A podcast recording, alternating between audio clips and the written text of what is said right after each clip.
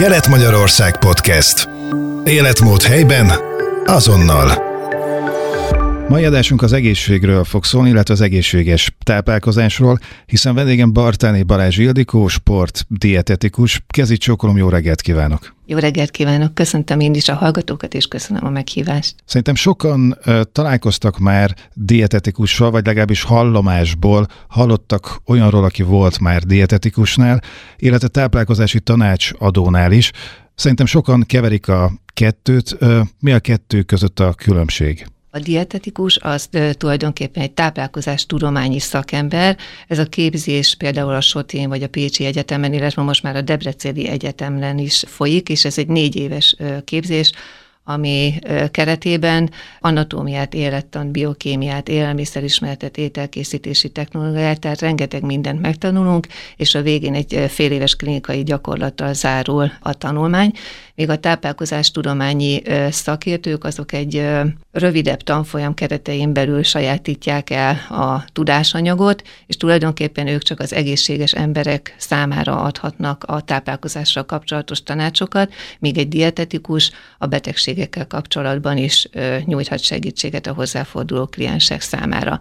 A dietetikus képzésen belül egyelőre nem nagyon van specifikáció, hogy most ki az, aki diabetológiával fog foglalkozni, vagy táplálékallergiával, vagy esetleg sebészeti dietetikával, és még sorolhatnám.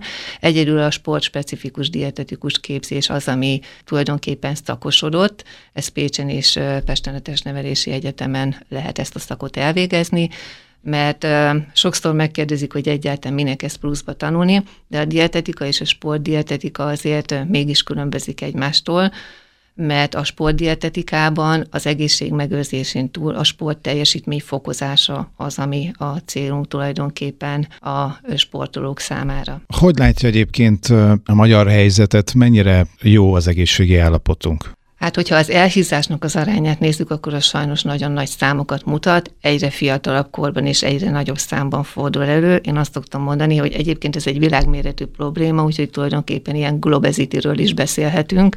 Hát ez nagyon sokféle dolognak köszönhető. Elsősorban ugye a mozgásszegény életmódnak, a rengeteg feldolgozott élelmiszer fogyasztásának, nagyon sokszor gyors megoldásokra próbálunk ráállni, úgyhogy fogyasztjuk az instant ételeket, ami minél hamarabb elkészül, és nem kell vele különösebben időt töltenünk.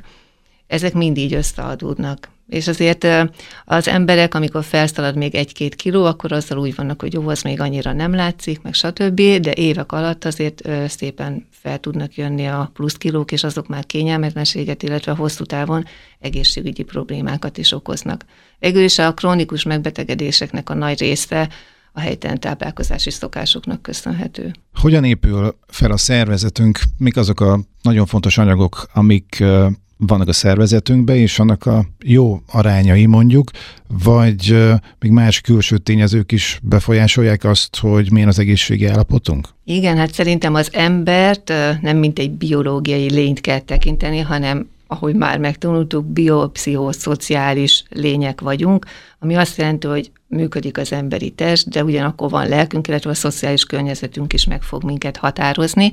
Az, hogy az emberi test mivel tápláljuk, hát végül is itt a tápanyagokon belül megkülönböztetjük az energiát adó, illetve az energiát nem adó, ugyanakkor a szervezet tökéletes működéséhez nélkülözhetetlen tápanyagokat is. Hát az energiát adó tápanyagok a fehérje, zsír, illetve szénhidrát, ami nem biztosít számunkra energiát, de elengedhetetlenek azok a vitaminok, illetve ásványi anyagok, illetve én még a folyadékot is ide sorolnám, főleg ebben a nagy melegben.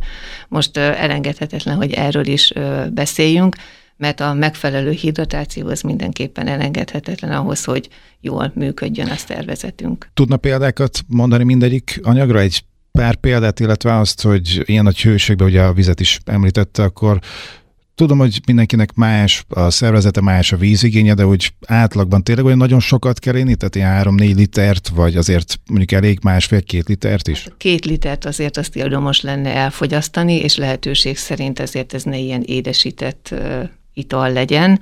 Ez mindenképpen előnyös lenne, és nagyon sokan nem tudják, hogy már akár két százalékos dehidratáció is a teljesítménynek a romlását okozhatja, és ez nem csak a fizikai teljesítményre vonatkozik, ami mondjuk egy sportolónál azért mindenképpen nagyon fontos dolog, hanem a kognitív képességeket is képes befolyásolni, tehát nem mindegy, hogy az adott feladatunkra hogyan tudunk koncentrálni.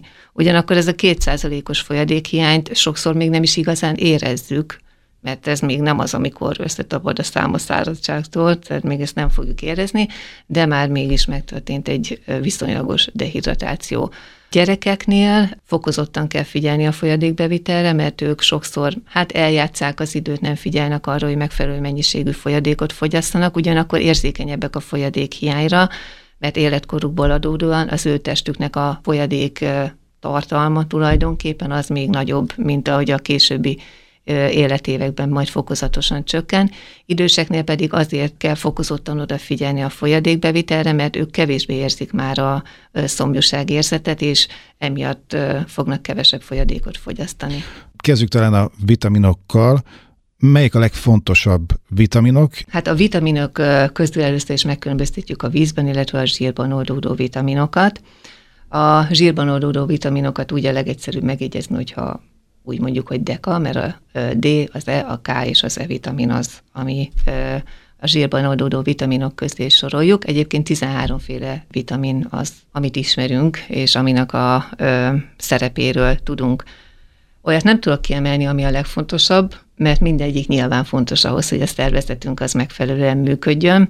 Mindegyik tápanyagunk tulajdonképpen tartalmazza a vitaminoknak valamelyik vitamint. Éppen ezért, hát nem hiába van az a mondás, hogy eat rainbow, hogy együk meg a szivárványt, hogy minél színesebben próbáljuk meg összeállítani az étrendünket, mert ezáltal biztosíthatjuk azt, hogy valóban valamennyi vitaminból, illetve ásványi anyagból megfelelő mennyiséget juttatunk a szervezetünkbe. És hogyha így van összeállítva az ételünk, akkor tulajdonképpen az étrend kiegészítőknek a fogyasztása sem feltétlenül szükséges. Nyilván van olyan állapot vagy helyzet, amikor igen, de egy egészséges embernél, hogyha nincsen semmilyen probléma, vagy nincsen valamilyen extra terhelés, vagy felszívódási zavar, vagy bármi egyéb, akkor, hogyha megfelelően összeállított étrendet alkalmaz, akkor tulajdonképpen a szervezetnek a vitamin, illetve ásványanyag szükségletét fedezni tudja. Egyébként a túldrozírozásnak sincs semmi értelme, mert például zsírban oldódó vitaminnál előfordulhat, mert ugye az raktározódik, a vízben oldódóknál pedig azért nem, mert úgyis kiválasztódik a vizelettel. Például mondjuk akkor egyszerre sok C-vitamint akkor nincs értelme bevinni, mert akkor kiválasztódik, és hamar kiürül. Igen, ilyen 100-120 mg az, ami a szervezetnek a szükséglete napi szinten, amit egy normál vegyes táplálkozással simán tudunk fedezni, tehát most hiába fogunk bevenni egy 500 mg-os C-vitamint vagy ezret, igazából abból annyi fog hasznosulni a szervezetbe, amennyire szüksége van, a többi pedig kiürül a vizelettel. De akkor például a D-vitamint azt érdemes szedni, ugye, mert az raktározódik. Érdekes, mert olvastam egy ilyet, hogy legjobb, hogyha ezeket a vitaminokat, amik tényleg még raktározódnak, hasznos, hogy, hogy bevegyük őket, legjobb az, hogyha mondjuk valami zöldséget, gyümölcsel veszük be, mert a, a természetes, meg a mesterséges, tehát sokkal jobban tud hasznosulni. Hát igen, például egy zsírban oldódó vitamint, ha most reggel felkelünk éjgyomorra, megfogjuk, kiszedjük a kis dobozából és lenyeljük, igazából nem fog tudni felszívódni, mert hiszen zsírban oldódó vitamin, és nincs a környezetében zsír tehát akkor azt igazából kidobtuk a kukába. De hogyha természetes formában fogyasztjuk el ezeket, akkor a zöldségeknek, gyümölcsöknek ez a biológiai mátrixa azért hozzásegíti a szervezetet azért, hogy ezek sokkal jobban fognak hasznosulni. Érdemes először a természetes formában fogyasztani ezeket, és hát mint ahogy a neve is mutatja, étrend kiegészítő, ezek kiegészítésként szolgálnak. Ráadásul nagyon sok ember fejében szerintem van némi zavar, azzal kapcsolatban, hogy azt gondolja, hogy a helytelen étkezési szokásokat ezáltal lehet ellensúlyozni, hogy akkor most pikpak bevettem ezt, meg azt, meg amaszt, és akkor nem is történt semmi nagy gond, hogy nem úgy étkeztem, mint ahogy kellett volna. De ez nem igaz, mert ezzel nem lehet ellensúlyozni az elkövetett hibákat, amit a táplálkozásunkkal követünk el. Térjünk rá a fehérjékre. Azok miért nagyon fontosak? Fehérjék tulajdonképpen a szervezetünknek az építőkövei. Úgyhogy mindenképpen szükséges, hogy ebből megfelelő mennyiségben, arányban és minőségben fogyasztunk. A gyermekkorban eleve ugye a növekedéshez pluszban nyilván van ö, igény, sportolóknál pedig ugye az izomnak a felépítéséhez, regenerációjához is elengedhetetlen. Átlagban azt szoktuk mondani, hogy testsúly kilogrammonként 0,81 g fehérjének az elfogyasztása elegendő naponta. Most a fehérjék azok ugye aminosavakból épülnek fel, hogyha ezen belül megkülönböztetjük az eszenciális aminosavakat, ezeket a szervezetünk abszolút nem tudja előállítani, vagy pedig sokkal-sokkal kevesebbet állít elő, mint amennyire szükség lenne. Éppen ezért ezt csak a táplálkozásunkkal tudjuk fedezni. Azok a fehérje források, amik valamennyi eszenciális aminosavat tartalmazzák, azokat teljes értékűeknek, kompletteknek nevezzük. Ezek a tej és tejtermékek, a húsok, a és a tojás, illetve a hal, tehát az ilyen állati eredetű élelmiszerek azok, amik ö, tartalmazzák. A szénhidrátokkal mi a helyzet? Mert ugye lehet mostanában hallani, hogy túl sok szénhidrát bevitel az nem biztos, hogy a legjobb. Igen, most a szénhidrát az új mumus, ugyanakkor ö, erre is szüksége van a szervezetünknek, ráadásul az egyik leggyorsabban hasznosítható energiaforrásunk, a szénhidrátok az egy gyűjtőnév tulajdonképpen, tehát ezen belül azért nagyon sok típust különböztetünk meg. Nyilván az egyszerű szénhidrátok az úgy gyorsan felszívódnak, ezáltal gyorsan meg fogják emelni a vércukorszintet, és ezért nem szoktuk javasolni.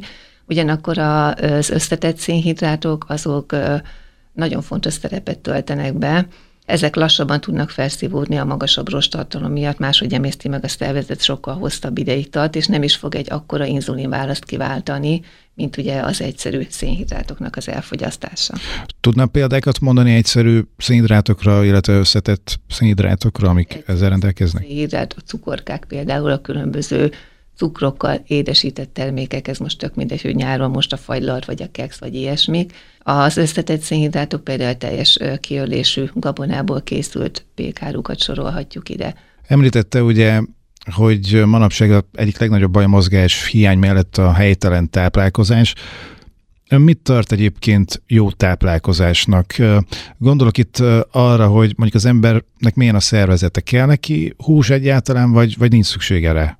Az, hogyha valaki hús fogyaszt, azzal nem követel hibát. Tehát teljes értékű fehérjét tartalmaznak úgy, hogy a szervezetnek ezekre is szüksége van. Viszont ha valaki bármilyen oknál fogna, most ez teljesen mindegy, hogy a környezet tudatosság, vagy vallási okok, vagy úgy gondolja, hogy az egészségének az sokkal jobbat fog tenni, vagy a fenntarthatóság miatt, vagy egyszerűen valamilyen averziója van ezzel kapcsolatban, valamilyen másfajta táplálkozási irányzatot fog követni, és nem fog állati eredetű termékeket fogyasztani, vagy csak mondjuk húsokat, úgy is össze lehet állítani egy étrendet, hogy az is komplet legyen, és a szervezet működéséhez szükséges valamennyi tápanyagot megfelelő mennyiségben és arányban tartalmazza.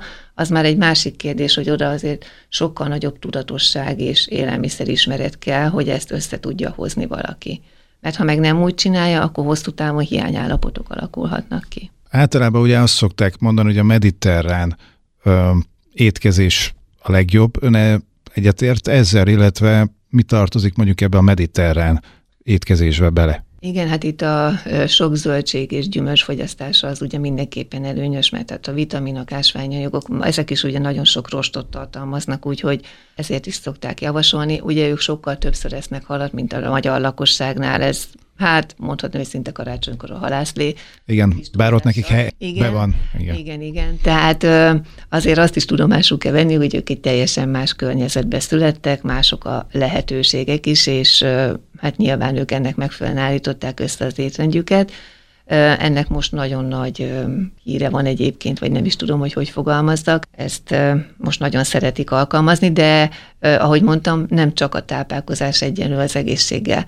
Jó ez a mediterrán étrend, ugyanakkor nekik az életmódjuk is teljesen más. És ezt az egészet így komplex lehet vizsgálni, hogy az, valóban pozitívan befolyásolja az embereknek az egészségét. Igen, mert ugye foglalkoztak ezzel már többször is, hogy hol van a világon a legtöbb száz év feletti idős ember, és ugye ez egyik azt hiszem Olaszországban van, valahol nem tudom, Szicília vagy Szardinia szigetek környékén, a másik pedig Ázsiába valami, szintén valami uh, szigeten, és ott gondolom, amit mondott, három feltétel mind adott. Egy, ugye az étkezési, kettő a pszichológiai, három pedig a szociális. Igen, igen. Tehát ott azért náluk megvan a, most oké, okay, az egy dolog, hogy mit esznek, de ehetek én akármilyen szuper élelmiszer, meg lehet bármilyen tökéletesen összeállított étrendem, ha egyébként egy stresszes közegben élek, vagy nem tudom, nem olyan tényleg a szociális környezetem, és amiatt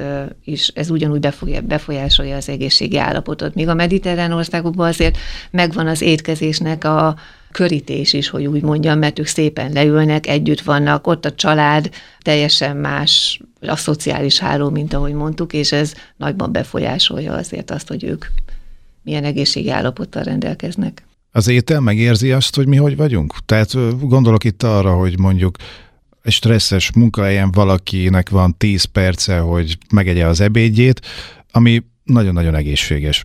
Vagy valaki nyaral, és ugyanazt az ételt fogyasztja úgy, hogy megnézi, megszagolja, élvezi az ízeket, szóval jobban hasznosul az, hogyha úgy állunk neki enni, hogy... hogy... Ö, igen.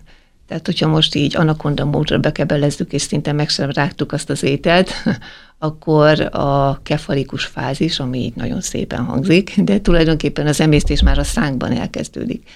És ez szorosan összefügg azzal, hogy megláttuk azt az ételt, és hogyan van tálalva, érezzük az illatát, tehát most, ha elmegyünk valamilyen étterem vagy pékség mellett, szó szerint összefut az ember szájában a nyál. Tehát olyankor már a nyálban vannak emésztő enzimek, és ott már elkezdik a, hát elsősorban a szénhidrátoknak a bontását, és már ez így fog bekerülni a gyomorba. Ha most valaki így kapkodva, stresszes környezetben fogja elfogyasztani ezt az ételt, vagy pedig mondjuk így tévénézés közben mint egy háttértevékenységként, akkor ez nem ugyanolyan mértékben fog érvényesülni, és ezáltal befolyásolja tulajdonképpen azt, hogy hogyan hasznosul ez az étel. Beszéljünk a különböző diétákról, mert az emberek ugye mindig kísérleteznek az ételekkel, saját magukkal, az, hogy hogy tudnak egészségesebben ö, étkezni, az, hogy hogy tudnak több kilót leadni, ugye, és akkor mindig jön valami, valami olyan diéta, ami éppen trendi, ami éppen valami oldalon kikerült, és azt mondják, hogy mondjuk az ősember is ezt tette, akkor nekünk ez kell lenni. De azért gondolom mindig változik a, a kor, és azért hozzá is tulajdonképpen viszonyulni kell. Melyik most a legnépszerűbb diéták, és mondjuk melyikkel mi a probléma, melyikkel mi van rendben? Hát a sok divat diéta közül most így nehéz is lenne választani, mert tényleg ö, minden évben van valami, ami felkapott. Hát most a ketogén diéta szerintem azért egy ideje így tartja magát. Az mit jelent?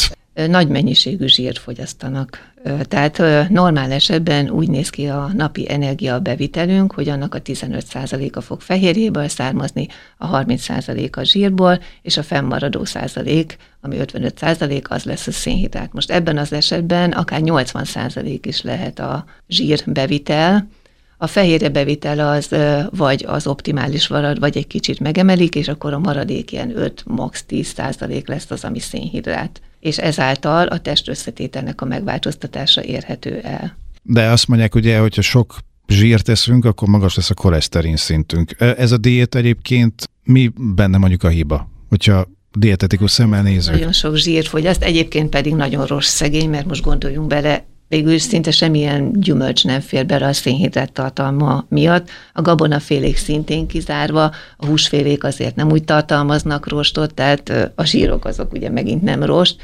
úgyhogy nagyon egy rossz szegény étrendről van szó, viszont mivel a szervezetünk az tényleg egy szuper szerkezet, és képes adaptálódni még ehhez a szélsőséges diétához is, ezért más anyagcsere utakat fog választani, azért, hogy hát vannak olyan szerveink, amik kifejezetten szénhidrát igényelnek ahhoz, hogy megfelelően el legyenek látva energiával, Ebben az esetben, mivel ugye szénhidrát bevitel nem történik meg, ezért a zsírokat fogja átalakítani, és így nyernek energiát. Mondjuk egy ilyen étrendbe tartozó étel lehet steak burgonyával, mondjuk? Ez, Hát a burgonya az nem. az nem, de steak, igen. Mondjuk akkor steak mivel? Hát úgy magába körülbelül, vagy valami Magával? Hát a levéllel, vagy ilyesmivel, ami tényleg a zöldségfélék közül is csak azokat fogyaszthatják, ami minimális szénhidrátot tartalmaz. Egy laikus aggyal gondolkodva, mondjuk az nem baj, hogy húst hússal leszünk, ugye rostok nélkül, zöldség, gyümölcs nélkül, és ugye hús bomlik le leglassabban a szervezetben, és ugye nincs segítsége, amivel minél gyorsabban le tudjon bomlani. Hogyha valaki ezt a diétát elkezdi egyébként, akkor mindig van egy átmeneti időszak, amíg a szervezetnek át kell lenni. Tulajdonképpen egy ketózisos állapotot fog elérni a szervezet, és ebben az átmeneti időszakban, ami valakinél mondjuk két hét, valakinél akár három-négy hét is lehet, azért vannak különféle tünetek, tehát az ingerlékenység, fáradékonyság, nem úgy tud teljesíteni, sem fizikálisan, sem mentálisan, úgyhogy ezen így túl kell esni. Hát azt szokták mondani, hogy még nem lépett a következő szintre a szervezet, és akkor majd utána sokkal könnyebb lesz. Igen, ezt hosszú távon végül is nem ismerjük még igazából a hatását. Tehát ezt a ketogén diétát most a fogyókúrával azonosítjuk, de valójában a ketogén diétát már 1911-ben elkezdtek ezzel foglalkozni Franciaországban, viszont epilepsziás betegek elsősorban gyerekeknek a kezelésénél alkalmazták, hogy a rohamok azok megszűnjenek. Aztán a 30-as években azért lett felkapott, mert egy amerikai filmproducernek a kisfia is epilepsziás volt, ezt később meg is filmesítették, onnantól kezdve vált ismerté. De kezdetben, mivel diéta, és azt egyébként a mindig egy megváltozott egészségi állapot hoz igazodó táplálkozást jelent, csak ma már a diétát a fogyókúrával azonosítjuk, tehát a ketogén diétát ezért kezdték el alkalmazni. Aztán most így felfedezték, hogy ezzel persze lehet változtatni a testösszetételen, és most ez így virágkorát éri, és egyébként sportolók is előszeretettel kipróbálják ezt, meg hát ugye hallani, hogy ez meg az meg amaz is alkalmazta, és hogy ő miket ér el, hát azért változó, hogy ki meddig bírja ezt, meg náluk is azért a fizikai teljesítmény nem úgy alakul. Hiába a testösszetétele az optimálisabb lett, mert csökkent a testzsír százaléka, ennek ellenére a várt teljesítményt mégsem tudja hozni. Ugye korábban, vagy hát nem tudom, jó pár évvel ezelőtt a paleo étkezés volt nagyon divatban.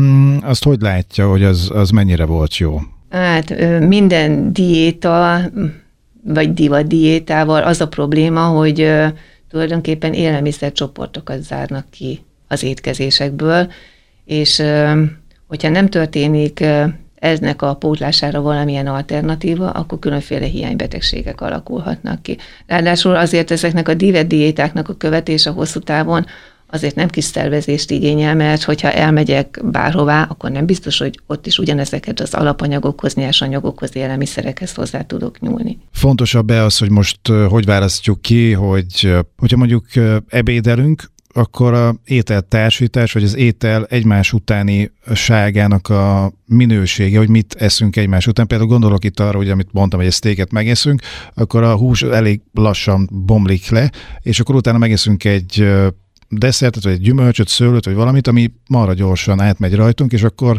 az nem biztos, hogy jó, nem tudom. Azt, hogy mi milyen gyorsan emésztődik, az tulajdonképpen attól függ, hogy milyen tápanyagot tartalmaz. A legkönnyebben a szénhidrátok azok, amik keresztül mennek tulajdonképpen az emésztőrendszerünkön, aztán következnek a fehérjék és a zsírok azok, amik a leglassabban emésztődnek. Ezeknek az emésztődését azonban, hogyha ezeket kombináljuk, akkor befolyásolhatjuk. Tehát a szénhidrát is hiába gyorsan emésztődik, de a fehérjével vagy valamilyen zsíros étellel együtt fogyasztjuk el, akkor ez is lassabban fog megemésztődni. Úgyhogy ilyen szinten befolyásolják egymást. Visszatérve ezekre az étrendekre, vannak, akik már ugye nagyon-nagyon komolyan veszik ezt, sőt, ilyen megszállottá válnak, és ha jól tudom, akkor egyre gyakrabban hallani a ortorexiáról, ez pontosan micsoda? Hát ez már a túlzott rákattanást jelenti az egészséges étkezésre. Ez ugyanúgy egy táplálkozási zavar, de igen, ez egy viszonylag új keletű dolog. Amikor a kliensnek vagy páciensnek az életét tulajdonképpen már a gondolatainak a nagy részét ezt tölti ki, hogy mit egyen, mikor egyen, honnan szerezze be, mert hogy biztos forrásból legyen, bio legyen, stb. Úgyhogy ez ugyanúgy egy pszichés megbetegedésnek lehet mondani, mint akár egy anorexiát vagy bulimiát. Összegezve a beszélgetésünket, mit tanácsolna a hallgatóknak, hogy válaszolnak ki egy étrendet, egyenek mindent, ahogy jól esik, vagy azért valami alapján haladjanak? Amik a legfontosabb dolgok, amiket figyelembe kell venni? Amellett ugye mondta, hogy magunkkal rendbe kell lenni, illetve a szociális környezetnek megfelelőnek kell lenni. Étkezésben mik a legfontosabbak? Akkor járunk el szerintem a legjobban, hogyha minél változatosabban és színesebben állítjuk össze az étrendünket. Nem kell beállni a sorba, hogy most én ezt az irányzatot fogom követni, vagy azt az irányzatot, hallgassunk a testünkre. A mérlegre sem fontos azért minden nap ráállni, figyeljünk a testünk jelzésére. Hogyha valamivel nem vagyunk tisztában, akkor keressünk fel egy dietetikust, aki szakszerű tanácsot fog ö, ezzel kapcsolatban nyújtani, akár valamilyen betegségről van szó, vagy pedig tényleg valaki csak életmódot szeretne váltani. Hogyha valaki fogyni szeretne, akkor ott nagyon fontos a céloknak a meghatározása.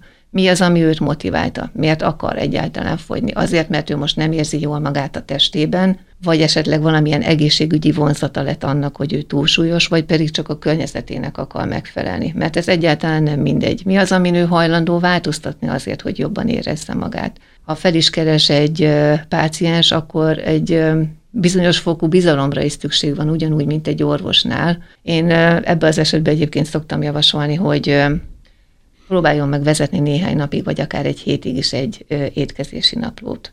És oda tényleg feljegyezni a legapróbb ha beleharaptam valamibe éppen azt is, hogy mikor, mennyit ettem, minél változatosabban, színesebben étkezdenek, és hogyha valamiben nem biztosak, akkor keressenek fel egy dietetikust, aki szakszerű segítséget tud nekik ezzel kapcsolatban nyújtani. Nagyon szépen köszönöm. Kedves hallgatóink, az elmúlt percekben Bartani Balázs Ildikó, sportdietetikus volt a vendégünk. Köszönöm szépen, hogy befáradt a stúdióba. Én is köszönöm szépen. Kelet-Magyarország Podcast. Életmód helyben, azonnal.